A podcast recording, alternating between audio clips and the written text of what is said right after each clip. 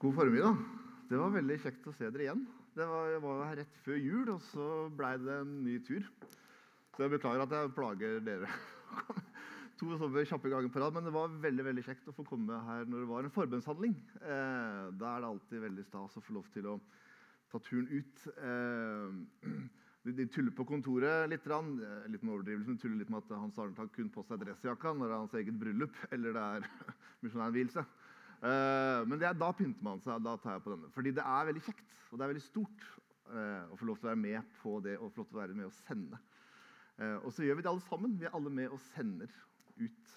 Og det peker tilbake på en historie og tradisjon. Helt tilbake til som Knut nevnte til Paulus når han ble sendt ut. Og vår historie med at vi sender utsendinger ut til de som ikke har hørt. Og så peker det fremover mot et arbeid som vi står i, og som vi skal fortsette å stå i. Og som vi skal få lov til å være med å gi til og få være med å be for. Slik at flere og flere får ta imot Han, får høre om Han, som vi tror er verdens lys. Så det er utrolig flott. La oss be om den. Kjære far, vi ber deg for eh, denne dagen, denne formiddagen. Og vi takker deg spesielt for at vi kan få lov til å sende ut i din tjeneste, far. Takk for at det er din misjon, det er ditt oppdrag. Og takk for at vi kan være dine sendebud. Amen. Dagens tekst det fører oss tilbake til stallen igjen. Til Betlehem og til julebudskapet. Og Jeg blir alltid litt sånn nostalgisk når jeg kommer inn liksom ser for meg stallen i Betlehem. Det kan jo ha noe, Jeg tror jeg tulla med det her forrige gang jeg var her. At jeg, jeg en, eier en gård i Sandefjord. Jeg begynner å le litt sjøl når jeg tenker på det. Eh, at jeg har en gård der. Og så eh, eh sette litt i noen perspektiv, så jeg husker jeg tenkte på den forberedte talen. At det var noen år siden så skulle jeg kjøre fra Oslo også til Kvitsund. Eh, det er en par timer kjøring i indre Telemark. Eh, og på veien så syns jeg det var, det var noe gærent med bremsene. tenkte jeg. Det er en forferdelig ulyd i bilen. Det var sånn y-lyd hver gang jeg bremsa. tenkte jeg at det her, det, det her, går jo ikke. Det her kan jo gå dårlig. Og da gjør Jeg som jeg alltid gjør, jeg ringer fattern og sier at nå, nå, kommer jeg hjem. det er noe gærent med bilen. Eh, så det må vi se på. Så da kjørte jeg liksom rett til Sandefjord. Han ordna litt med naboen, som var mekaniker og sto klar. Og pappa er en sånn handy type. Eh, og var inntil da stolt av også sønnen sin, som kom kjørende opp. Og Så parkerer jeg bilen, og så går jeg ut av bilen så syns jeg den lyden var der ennå. tenkte jeg, Det er jo litt rart, for motoren er jo slått av. Så kikker jeg inn i baksetet, og under setet mitt så ligger det en megafon. Og Megafonen står på og gir feedback-lyd hver gang det er en bevegelse i bilen. Da sa ikke pappa noe. Men den skuffelsen over at du er min sønn, den var stor. Så Det er jo et under i seg selv at han nå liksom har gitt det videre til sine to sønner, som er like håpløse på dette, begge to. Men jeg eier denne gården, da. Eh, og så kan det hende jeg kan si til som pappa at det eh, er veldig flott inni det gamle grisefjøset. pappa. Det er så koselig å gå inn der. Og da ser han også dumt på meg. Eh, og så begynner han å fortelle litt om hvordan det var inni dette grisefjøset når han vokste opp.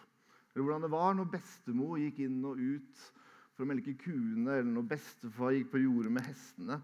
Og så forteller han når, når bestemor under krigen og min bestefar dro i krigen og hun var alene igjen med tre små barn og måtte holde i gang denne gården. Og så begynner han å fortelle om virkeligheten på denne gården. Og ikke det drømmebildet som jeg noen ganger kan få av en gård. Og litt det samme kan jeg få inn i jula når jeg ser julekrybbene og jeg ser for meg stallen i Betlehem. Jeg kan tenke eller jeg kan si til kona mi det var der vi skulle ha født de to barna. vet du. Så flott det var der. Når du ser de julekrybbene og ser hvor vakre de er, hvor flott det ser ut, så blir man liksom, liksom nostalgisk til hvordan det har vært og var inni denne stallen. Og så kan det umulig ha vært koselig inni den stallen.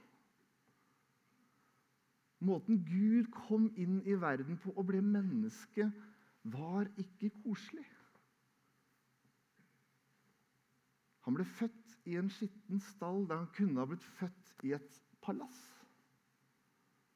Det var illeluktende dyr som tilskuere. Det var et matfat med spytt, matrester og jord som han så ble lagt oppi. Og dyr kommer og snuser på dette lille barnet. Og så lå det en ung mor der, sannsynligvis sliten og trøtt. Og en ung mann som kanskje undret seg på hva slags rolle får jeg nå for denne lille gutten? Og så kommer det noen gjetere inn i stallen sammen med noen sauer. Og Gjeterne var de laveste av de laveste på rangstigen. Og de var det første som fikk åpenbaringen om at Gud hadde blitt menneske. Og som hadde vært et utrolig så merkelig skue å se for seg denne stallen. For I den stallen så får du ikke et tydeligere bilde at nå befant du deg absolutt nederst blant de fattigste og laveste på rangstigen i Israel. Og Så blir Jesus født inn i den stallen for å danne sitt rike. Ikke et rike med landegrenser, men et rike som aldri skulle ha noen slutt. Og I dette riket så hørte de laveste til. For Gud ble menneske for de fattige gjeterne, den unge moren og den unge Josef som sto der, og som gjorde det så godt han kunne i en vanskelig situasjon. Men så ble dette rike også åpenbart for så mange, mange flere. Også for de rikeste, for overklassen, som kom fra andre folkeslag. Og da kommer vi fram til dagens tekst, som er i andre Matteus Eh, første, I Matteus 2. kapittel. Der står det Da Jesus var født i Betlehem i Judea, på den tiden Herodes var konge, kom noen vismenn fra Østen til Jerusalem og spurte, 'Hvor er jødenes konge, som nå er født?' 'Vi har sett stjernen hans gå opp, og vi er kommet for å hylle ham.' Da kong Herodes hørte det, ble han svært urolig, og hele Jerusalem med ham. Han kalte sammen alle øversteprestene og folkets skriftlærde og spurte dem ut om hvor Messias skulle bli født. I Betlehem i Judea svarte de, for slik står det skrevet hos profeten. Du Betlehem i Judaland er slett ikke den ringeste av fyrstene i Juda. For fra deg skal det komme en fyrst som skal være hyrde for mitt folk Israel. Da kalte Herodes vismennene til seg i all stillhet og spurte dem nøye ut om tiden da stjernen hadde vist seg. Så sendte han dem til Betlehem og sa.: Dra av sted og forhør dere nøye om barnet. Og når dere har funnet det, så meld fra til meg, for at også jeg kan komme og hylle det. Da de hadde hørt kongens ord, dro de av sted. Og se, stjernen som de hadde sett gå opp, gikk foran dem inntil den ble stående over stedet der barnet var. Da de så stjernen, ble de fylt av jublende glede. De gikk inn i huset og fikk se barnet hos moren, Maria, og de falt på kne og hyllet ham. Så åpnet de skrinene sine og bar fram gaven til barnet, gull, røkelse og myrra. Men i en drøm ble de varslet om at de ikke måtte vende tilbake til Herodes, og de tok en annen vei hjem til sitt land. Søndagen i dag ble kalt åpenbaringssøndagen. Fordi Jesus blir åpenbart også for disse vismennene som kom fra en annen folkegruppe. Det blir også kalt en misjonssøndag fordi vi ser at folkegruppene er inkludert i dette riket som Jesus kom for å danne. Og hvem er dette riket for? er kanskje sånn det spørsmålet som jeg ble sittende igjen etter å ha lest teksten. Hvis vi blar én side bakover i Matteus, så kommer vi til Matteus 1, hvor Matteus starter sin bestselger med å ramse opp Jesus sin ettertavle. Og I seg selv så tenker vi vi går fort videre. Er det noe spesielt med denne? Men ser vi nøyere på ettertavlen til Jesus, så finner vi fem navn som ikke hørte hjemme i ettertavla. I hvert fall ikke etter tradisjonen. For man hadde ikke med seg kvinnene inn i ettertavlen. Allikevel så er Tamar nevnt her, hun som lurte sin svigerfar. Det var Rahab, den prostituerte. Det var Ruth, som var moabitt og fra en annen folkegruppe. Det var Batseba, som David fikk barn med. Og det var Maria, den unge kvinnen i stallen. Og Disse fem hørte ikke med i ettertalen. Hvorfor var de da nevnt? Så skriver ikke, skriver ikke Matteus hvorfor. Men vi kan tenke oss ganske fort til at han har med disse for å vise hva slags rike Jesus har kommet for å opprette, og hvem som hører til i hans rike. Og at hans nåde ikke gjør forskjell på kjønn, sosial status, om du var gjeter eller vismann, eller folkegruppe. Allerede i ettertalen, de første i Matteus vi leser, får vi et hint om at Jesus kom for alle folkeslag. Han er ikke noen stammegud for Israel, men universets gud. Vi får et hint om et håp for en hel verden. Og Så blar vi videre til denne teksten om vismennene. Og Så ser vi at Jesus blir åpenbart til vismennene som noen av de første som får se Jesusbarnet. Og så vet vi ikke så altfor mye om disse vismennene. Eh, og Det er heller ikke det viktigste. Men vi sier at det er tre. Det vet vi jo strengt tatt ikke. Det kan ha vært ti. Det vil ødelegge mange julespill selvfølgelig, hvis vi eh, tar på så mange. Eh, de kom jo neppe alene. Altså, sannsynligvis hadde de med seg ganske mange tjenere. Fort vekk noen familie.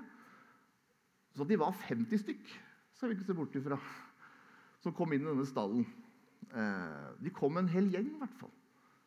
Men det viktigste er, de hadde, er, ikke om de hadde kroner eller ikke, eller hvor mange de var. Poenget var at det var noen som så en stjerne, tydet stjernen, og som dro. Og så dro de til Jerusalem. Selvfølgelig dro de dit, den politiske høyborgen, den religiøse sentrum. Og så dro de til Jerusalem og begynte å leite. De søkte, de banka på. Hvor er jødenes konge? Og Noe i den teksten minner om noe som Matteus skrev noen vers noen kapitler seinere i vår bibel. Så står det Be, så skal dere få. Led, så skal dere finne. Bank på, så skal det lukkes opp for dere. For den som ber, han får. Og den som leter, han finner. Og den som banker på, skal det lukkes opp for. Vismennene så noe, og så dro de, og så begynte de å leite. Og så leita de feil by. De banka på feil dør. Men til slutt, ved hjelp av et lys og en stjerne, så ble de ført til riktig by og riktig dør. Og det er mange som leiter og søker, men kanskje ikke alltid vet hvor de skal leite, hvem de søker. Jeg leste denne uka boka til ei som heter Inger Rismyr, som har skrevet NLMs historie i Mongolia. Og Noen av de sterkeste sidene for min del i den boka er når eh, Inger Rismyr begynner å skrive om noen av de første personene som tok imot Jesus i Mongolia. Hun skriver om pastor Pudje, som i dag leder Sandbergkirken vår. Hvordan han i 1991 gikk på universitetet og som han selv sier, var tom i hjertet. Følte seg tom så var det en studiekamerat som fortalte ham om Jesus. og Så begynte han å søke, og ett år senere så ble han døpt. Eller Gansorik, som ikke ville ta imot Jesus første gang han hørte om det. Så dro han på forretningsreise til Russland, og så gikk alt gærent. Og så var det noen som hviska han i øret du må dra tilbake til Mongolia. Og Så dro han tilbake, så oppsøkte han en kirke, og så ble han døpt. Eller Sugar, som egentlig bare ble med som tolk i kirken fordi hun kunne engelsk. Og Så ba hun om en åpenbaring fordi hun ville bli en bedre tolk. Og Så fikk hun en åpenbaring, men åpenbaringen var Guds nåde. Og Så tok hun imot nåden, og så ble hun døpt. Og Slik kunne vi fortsette. Men Inger har mange navn i boka. En ung kirke i Mongolia, men som startet med at mange av disse begynte å søke etter noe, begynte å banke på. Og så kom det misjonærer dit som pekte på nåden, pekte på Jesus. Og Så ble det dåp, og så vokste kirken. Og når NLM har starta opp i Nord-Afrika, så, så, vet vi at det vil bli utfordrende. Det vil bli tøft. Det er ikke sikkert at det vil poppe opp mange kirker med det første i et område som Nord-Afrika. Men vi vet at det er mange mennesker som søker og banker og leter i Nord-Afrika. Derfor ble det dåp på en strand i Nord-Afrika før jul. Fordi noen leiter, noen banker på, og noen søker. Og så må noen vise den veien til Betlehem. Noen må peke på nåden, på det lille barnet som kom. Være den stjernen som viser vei mot Han som har åpenbart seg også for folket i Nord-Afrika. Fordi Gud har ikke slutta å åpenbare seg for oss og for denne verden. Hvorfor driver vi misjon? Fordi denne verden er full av mennesker som aldri har hørt, men som søker. Og så er det vårt kall til å være der og fortelle om Jesu navn. Og så vet vi at denne åpenbaringen er det ganske mange forskjellige responser på. Og når vismennene kom til Jerusalem, så var det egentlig tre responser i den lille gruppa som møttes der. Det var eh, kong Herodes, som jo spurte om nettopp Messias. Men hans respons var motvilje, avvisning og etter hvert forfølgelse. Og så var det kanskje mest spesielle ved øverstepresten og de skriftlærde som Hva var deres respons, egentlig? Eh, la oss kalle det likegyldighet til det. Fordi de så hva som var skrevet, de visste hvor de skulle finne fram. De visste jo at Messias skulle bli født i Betlehem ut ifra teksten. De hadde kunnskapen. Men de forble likegyldige til konsekvensene av sin egen kunnskap. Vi ser i hvert fall ingen steder at de dro og leita i Betlehem etter Messias, som de nettopp hadde sitert, skulle bli født der. Tre responser. Og Den siste responsen var vismennene. Vi har kalt det lovprisning av Messias-responsen. Fordi de fikk høre, og de dro til denne stallen, til Jesusbarnet. Og Så gikk de ned på kne, og så lovpriste de Jesus, og så ga disse gavene. Og Jeg tror jo at disse så for seg noe helt annet når de begynte å dra. Jeg tror de så for seg en stall. En sliten, skitten stall. Og Likevel så valgte de å gå ned på kne og lovprise dette lille barnet i denne stallen. Og så ga de gaver til Jesusbarnet. Gull, røkelse og myrra. Som en del av sin opprisning til dette barnet. Jeg tror aldri jeg har hatt så dårlig julaften som i år. Når det kommer til gavefronten. Det var en utrolig skuffelse. Ehm, jeg hadde stor tro på kona mi, og hun skulle klinke til. Hun ga meg en sånn ballongvisp. Sånn der, ja. Det var det jeg satt igjen med i jul. Og jeg tenkte på etterpå, det er liksom, Gave betyr mer enn vi tror noen ganger. altså. Det å få litt, i hvert fall. Og Jesus fikk gull, røkelse og myrra. Og Disse gavene betydde noe. Mer enn noe symbolsk, tror jeg. Martin Luther når han skriver sin kommentar til den teksten, så trekker han veldig fram at de snart skulle på flukt til Egypt. Og de trengte faktisk noen av disse gavene for å overleve det, trekker han fram. Så når vi da driver diakoni eller eh, ser de fattige, eller hva det skulle være, så sier Martin Luther at da ser vi også dette lille Jesusbarnet. Da gir vi også til dette lille Jesusbarnet. Så stort er det for oss når vi hjelper andre og gir. Og så betydde disse gavene noe. Og Det har vært ulike tolkninger av det, men vi kan si at gull ga man alltid til en konge.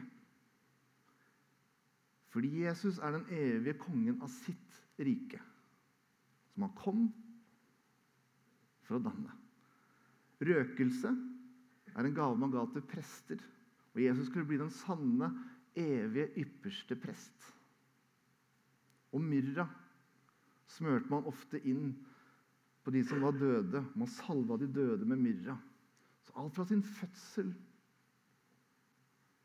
så viser gavene at Jesus også skulle gå inn i mørket og dø for alle mennesker. Dø for vår synd. Og stå opp for oss, slik at vi kan få evig liv i troa på Han. Folket venta på en ny David, men Jesus kom ikke for et land, men som et lys for alle folkeslag. For å etablere et kongedømme uten ende. Og I dette kongedømmet så var det plass til noen fattige gjetere og vismenn fra overklassen. Det var plass til eh, ei prostituert fra Jeriko på lik linje som kong David. For dette riket så skriver Paulus her er ikke jøde eller greker, her er ikke slave eller fri. Her er ikke mann og kvinne. Dere er alle én i Kristus Jesus, skriver Paulus. Jeg kommer ikke til Gud med gull, røkelse eller myrra. Og kanskje mer som en gjeter som kom med to tomme hender i møte med han som åpenbarte seg i en stall. Og så kommer jeg med det jeg har.